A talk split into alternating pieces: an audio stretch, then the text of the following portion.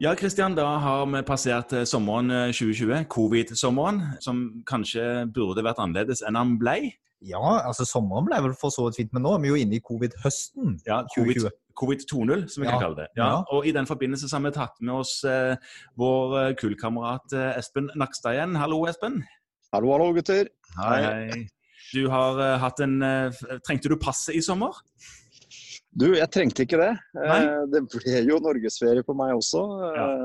Og den ferien det ble egentlig en jobbferie, kan jeg innrømme. Sånn ble det. Det var jo sånn det burde vært for veldig mange, og så var det noen som eh, havna utenlands fordi at det var lov, og så sitter vi vel litt og betaler prisen for det nå, kanskje. Ja, I hvert fall så, så, så er vi langt unna et grønt Europa som vi bare kan reise til nå. Det er helt klart. Det er veldig annerledes akkurat nå. Ja. De fleste av oss er vel langt unna en grønn nabokommune å reise til akkurat nå, er det ikke det? Altså, I hvert fall her i Oslo så ser vi ikke den grønnfargen så tydelig. Men eh, andre steder så er det ikke så langt unna en grønn kommune. Men eh, ja ja, vi får nå se hvordan det blir. Vi får se hvordan det blir. Og vi fastleger vi var jo i mars veldig, føler vi sjøl, raske på ballen til å legge om til en sånn en legedrift hvor man liksom paradoksalt nok ikke ville ha pasientene på kontoret, men heller møte dem på telefon og på video. Mm. Eh, Og lage litt rom på venterommet og rom på kontoret. Nok til at vi fikk sprøyte litt klor rundt omkring og få det til å lukte svømmehall eh, og sånt. Og så lurer vi litt på hva, hva, hva mer kan vi gjøre nå for at vi skal begrense smitten? Det er liksom Ja, hva, hva skal en finne på? Nei, altså Fastlegene gjør jo en strålende jobb allerede nå. og du kan si viktigste jobben til fastlege under en pandemi er jo å drive fastlegetjenester og sørge for at pasientene får eh, god oppfølging og god behandling. Og mye smarte ting er gjort med tanke på både digital oppfølging der hvor det er mulig, og, og sørge for at ikke ventekontoret blir et sted for eh, smittespredning. Og det har jo fastlegene i Norge lykkes veldig godt med. Eh, Så det er vel noe med det å prøve å stå i dette enda lenger, da. Dessverre, kan man si. Blir nødvendig. Kanskje et halvt år til, vil jeg tro at det blir ganske likt som nå. Ja, Det blir ute på nesten vårparten, det. Ja, det gjør fort det, altså. Det Ja. er fare for det. Og selv om vi skulle få vaksiner til Norge utover vinteren, så vil jo ikke veldig mange være vaksinert med det aller første. Det vil jo ta tid. Så, så vi må nok innstille oss på at ting er litt annerledes eh, også for fastlegepraksiser eh, langt utover i 2021. og, og- det betyr altså at vi må finne ordninger som er både for, for fastlegene og for brukerne av fastlegetjenesten levelig over lang tid. Altså det, det er noe med å ikke ha ordninger som gjør at man blir helt utslettet etter 14 dager. I forhold til hvordan dette organiseres, tenker vi. Ja, det er en utfordring i hele helsetjenesten, tror jeg. Du, man merker det på sykehusene også, hvordan eh, mange er litt slitne nå. Stått i dette lenge. Det er jo, det er jo ekstra arbeid med alt, egentlig, når man skal ivareta smittevern. Samtidig så, så får man også en rutine på det etter hvert, da, men, eh, men det er veldig forståelig at det er krevende altså, å stå i. Det, det er det. Nå har du sikkert jobba veldig mye de siste dagene, Espen, her i forbindelse med at det var en pressekonferanse på mandag. Og det som en del i kommunehelsetjenesten sliter litt med, det er jo det at det tar litt tid fra, fra pressekonferansen blir holdt til de skriftlige dokumentene foreligger. Og det, det er jo sikkert forståelig, fordi de har en inntrykk av at de er neppe ferdig i god tid i forkant. Men eh, hadde det vært mulig, eller er det arbeidsmodellen som gjør at vi ikke på en måte får tilgang til endringen på FHI og direktoratet og regjeringen og sånn, før det går et par dager? Du kan si at uh, måten disse tingene skjer på nå, hvor det går såpass fort, og hvor sånn som nå i dette tilfellet, da, det er veldig viktig å komme i gang med disse tiltakene raskt for å begrense smittespredningen som vi ser i Europa, så er det klart at da får alle i Norge, inkludert fastleger og pasienter, får beskjed på den pressekonferansen. Og da forventer for så vidt uh, myndighetene at, at man følger med. Og det som blir sagt der, det gjelder også for en fastlege. Selv om man ikke får en egen beskjed om det i en linje. Så Det er en litt uvant måte å jobbe på, men det er klart at det som får betydning for veiledere og andre anbefalinger av faglig karakter, som ligger eh, ute på f.eks. Folkehelseinstituttet sin hjemmeside, det vil da måtte endres. Og, og Ofte så vil jo dette bli endra i eh, sammenheng, men det kan ta noe tid, som noen merker. eh, Og noen ganger så endres jo denne covid-19-forskriften f.eks. veldig raskt.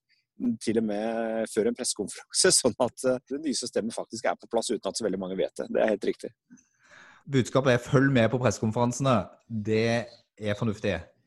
Ja, budskapet er følg med på det som skjer, og hvis det er bestemt noe som annonseres av regjeringen da, eller av en kommune, for så vidt, hvor det er også nå strengere regler, så gjelder det fra det blir annonsert. Og, og, man kan faktisk ikke forvente å bli varsla på forhånd. Eh, ingen kan forvente det. Og i begrenset grad vil man få brev om disse tingene også noen ganger. Eh, men det er klart de langvarige tingene som har juridiske implikasjoner, økonomiske implikasjoner, som berører støtteordninger, takster eller eh, måte, regelverk rundt pasientrettigheter og sånn, det kommer selvsagt på den vanlige måten. Men eh, de andre tingene gjør ikke alltid det, altså. Nei, og så sitter jo vi ofte med alle de gråsonespørsmålene som dukker opp når man begynner å lure på hva er fem personer, er det noen ganger seks personer? Alle sånne spørsmål som det, hvor, hvor, folk kanskje har avtalt et eller annet som gjør at de nye reglene spenner bein under, uh, under det. Og det er jo det vi som fastleger sitter og prøver å lage rett og slett lage leveregler for folk som er i tråd med de nye forskriftene som, som dukker opp. Og det er jo vår utfordring noen ganger oppi, oppi det. At vi skal lage det til en, eh, ikke bare et punkt på en liste over nye retningslinjer, men noe som folk skal, skal forholde seg til. da. Ja da, og det er klart at uh, fastlegens ord er lov, vet du. For eh, mange pasienter er det sånn, og man forventer at fastlegen vet alt. Så det jeg må få det skriftlig, Espen. Det, ja, ikke sant? Nei, da, sånn at jeg, jeg, skjønner veldig godt at man blir spurt om disse tingene. Og, og jeg skjønner godt, også veldig behovet for å å ha det klart og tydelig. Fordi det også selvsagt berører driften ikke sant, på et fastlegekontor og veldig mange ting. Det skjønner jeg. Mm. Men eh, da er det vel egentlig bare å eh, brette opp eh, ermet og prøve å stå i dette enda litt til, sånn at vi klarer kanskje å ha en nær normal jul, og i alle fall en mindre strevsom 2021 eh, enn 2020 har vært etter hvert. Det, det, får vi i hvert fall håpe på. Det er klart at Grunnen til at vi har anbefalt disse endringene nå, er jo fordi at vi ser smitten begynner å øke til et nivå hvor det raskt kan begynne å gå mye fortere.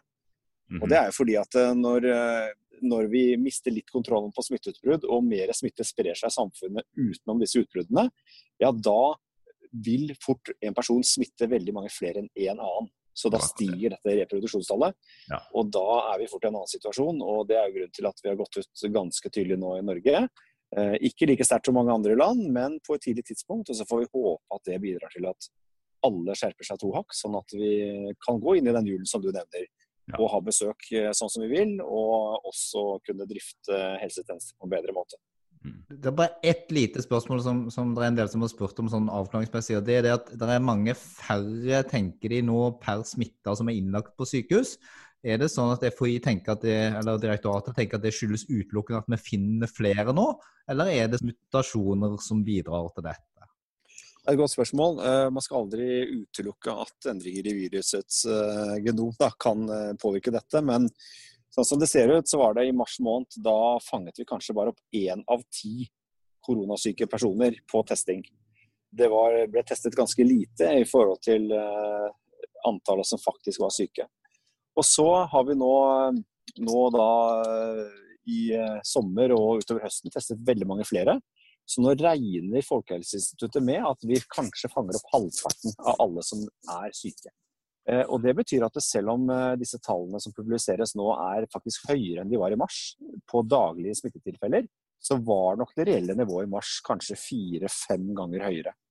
Så Det betyr at vi har litt igjen før vi kommer i en like dramatisk situasjon. Men samtidig så vet vi at dette kan doble seg på bare fire-fem dager hvis vi ikke gjør noe som helst. Sånn at uh, Det er det som er bekymringen vår, at det kan stige veldig veldig fort hvis vi mister kontrollen. Og det ser vi nå i bl.a. Frankrike at det har gjort. sånn at uh, vi må jobbe hardt for å beholde den kontrollen, så det ikke skjer. Bra. Vi får gjøre alle, alle får gjøre vårt. Du får sitte der oppe, du holder på og gjør din glimrende innsats der. Og vi koster på ned på gulvet. Vi får alle bidra, så blir dette bra til slutt. Det er jeg helt sikker på. Veldig bra. Vi får ta en ny prat når vi synger julesanger eller det omkring, Espen. Så... Og vi ringer deg sikkert når vaksinen begynner å bebudes inn. ja. ja da, vi kan prates igjen, vet du. Det er kjempebra, det. Fint.